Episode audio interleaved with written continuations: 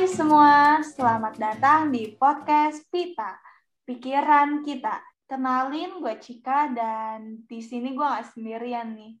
Gue ditemenin sama dua temen gue. Hai hai, gue Claudia. Dengan di sini ada Jenny, salam kenal semuanya. Kabar kalian gimana nih? Pastinya baik banget dong, gak sabar mau ketemu Cika dan juga Claudia. Gue juga baik banget dong. Hmm, kalau udah ngumpul-ngumpul begini, enaknya kita ngomongin apa ya? Hmm, gue ada satu topik menarik sih. Kalian tahu kan, karena pandemi ini kita semua lebih banyak ngabisin waktu di rumah.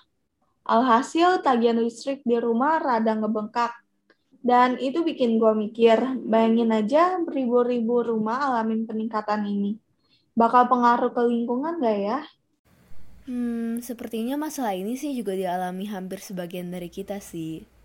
Bener gak ya, Claudia? Iya sih, bener banget. Di rumah gue tagihan listriknya juga mulai meningkat sejak pandemi ini.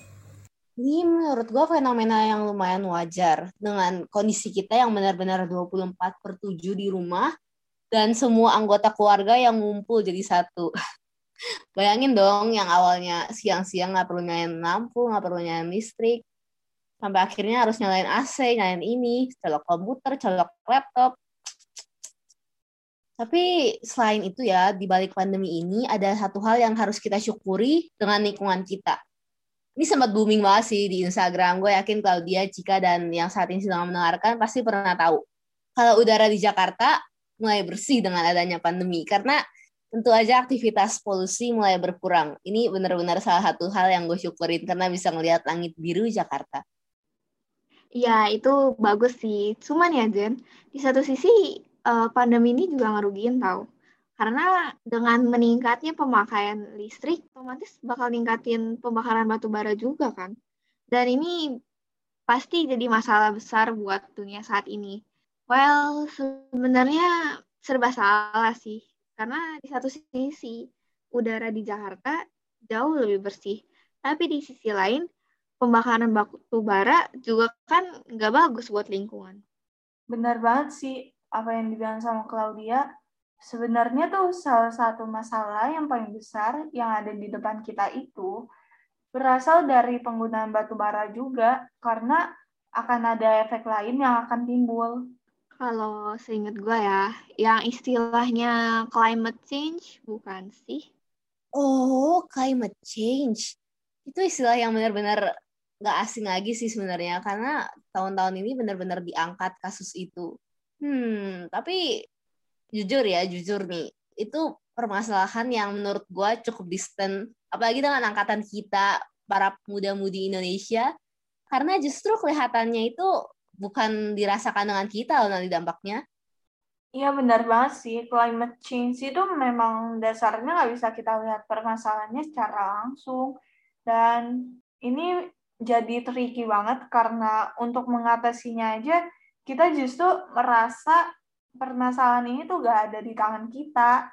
Iya, gue juga sempat mikir kalau permasalahan ini nggak bakal ada lah di tangan kita. Padahal ya, climate change ini sebenarnya terjadi karena kita juga sih. Kalau nggak salah ya, tentang climate change ini pernah banget dibahas pas kita sekolah dasar. Dan saat itu sering kali ya diingatkan oleh guru kita kalau kita harus ngurangin polusi yang salah satunya menjadi penyebab climate change dengan tidak menggunakan kendaraan pribadi. Ya, Jen, itu benar sih. Tapi ternyata nggak cuma itu. Climate change faktornya banyak banget. Dan semuanya benar-benar dekat dengan kehidupan kita tanpa kita sadarin. Kalau begitu kita harus banget dong kenalin lebih lanjut tentang faktor-faktor dari climate change ini. Iya, dan gue juga baru tahu ternyata apa yang kita konsumsi setiap hari alias makanan juga ada pengaruhnya buat bumi kita loh. Ih, masa iya sih? Gue belum pernah dengar itu. Kok bisa gitu? Kita sepandangan, Jen. Ayam dan sapi yang diproses nantinya jadi daging memerlukan mesin mulai dari penanaman bahan makanan sampai pemotongan daging itu sendiri hingga sampai ke tangan kita. Dan dibandingkan dengan itu, lebih baik kita makan sayur-sayuran yang sebelum diolah. Hmm, kalau gitu mending gak usah makan daging dong ya. Kan lumayan juga kan makan sayur doang buat diet. Tapi enakan daging. Emangnya uh, besar banget ya andilnya? Sebenarnya ya, tadi selama kita ngomongin pola makan terhadap climate change, terus sempat nyari-nyari data nih, dan ada salah satu data konkret yang diperoleh dari University of California yang bekerja sama dengan tim Fox. Kalian mau tahu apa datanya? Katanya itu makanan juga menyumbang andil yang lebih besar justru dibanding transportasi loh. Dengan mengubah pola makan ini, kita bisa menghilangkan sebagian dari data ini cukup besar. Dan gue rasa nggak perlu sampai kita diet beneran sih kita bisa menghilangkan lebih dari 300 gram gas karbon yang terbuang dengan beralih ke sayur-sayuran dan kacang-kacangan. Cuma dengan mengubah pola makan loh. Kita masih boleh kok makan daging, tapi cukup porsinya aja yang dikurangin dan itu juga sudah bisa membantu bumi kita ini.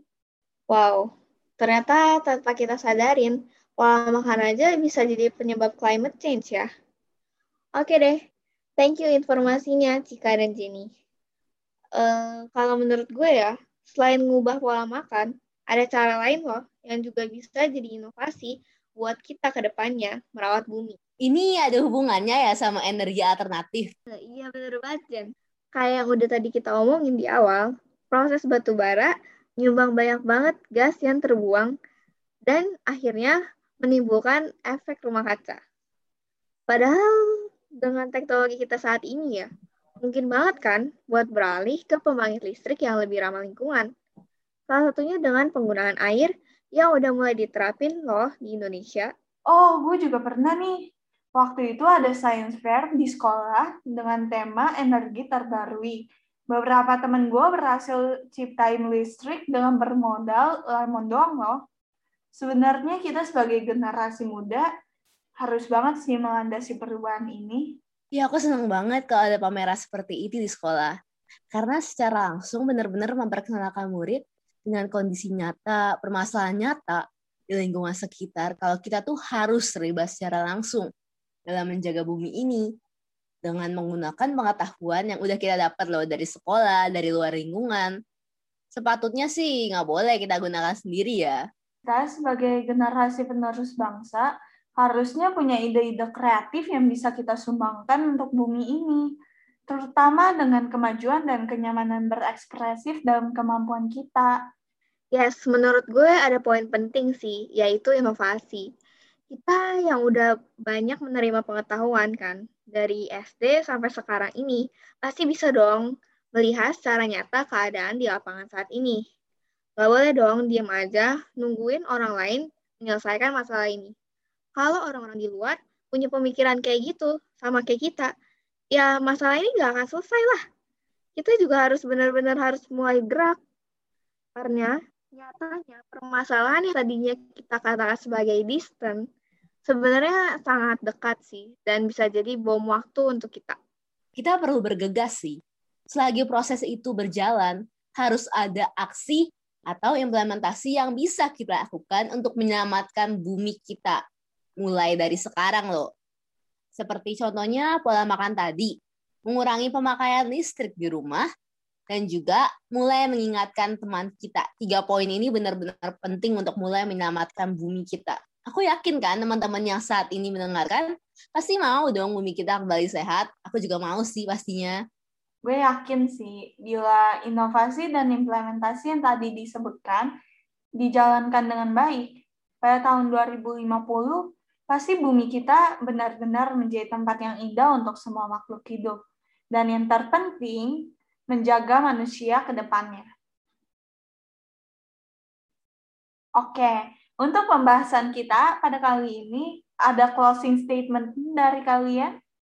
Kalau dari gue ya, gue cuma mau kalian, para pendengar, buat lebih punya lagi kesadaran buat merawat bumi kita ini seperti yang udah tadi kita obrolin, ternyata hal sepele kayak tadi uh, pola makan ya, ternyata punya dampak yang cukup besar buat lingkungan kita. Jadi, ayo dong, coba mulai rawat lingkungan kita mulai hari ini dan mulai dari diri kita sendiri. Perubahan kecil yang justru kita perbuat nih, bisa banget berdampak besar untuk bumi kita dimulai dulu dari diri kita sendiri. Kalau bukan kamu, kalau bukan aku, siapa lagi dong yang rawat bumi? tanpa disadari ya perbuatan-perbuatan kecil dari kamu benar-benar bermakna untuk bumi. Gak perlu sungkan untuk menyelamatkan bumi. Kamu bisa jadi pahlawan untuk kita semua. Iya, gue setuju banget sama Claudia dan juga Jenny. Karena ketika manusia menjaga lingkungan, lingkungan sendiri itu juga yang akan merawat dan mensejahterakan manusia. Dengan kesimpulan tadi, sayang banget ya pembahasan kita cuma bisa sampai di sini. Rawat bumi, Jaga masa depan Indonesia. SDM unggul, Indonesia Indonesia maju. maju. dadah! Dadah! Dadah.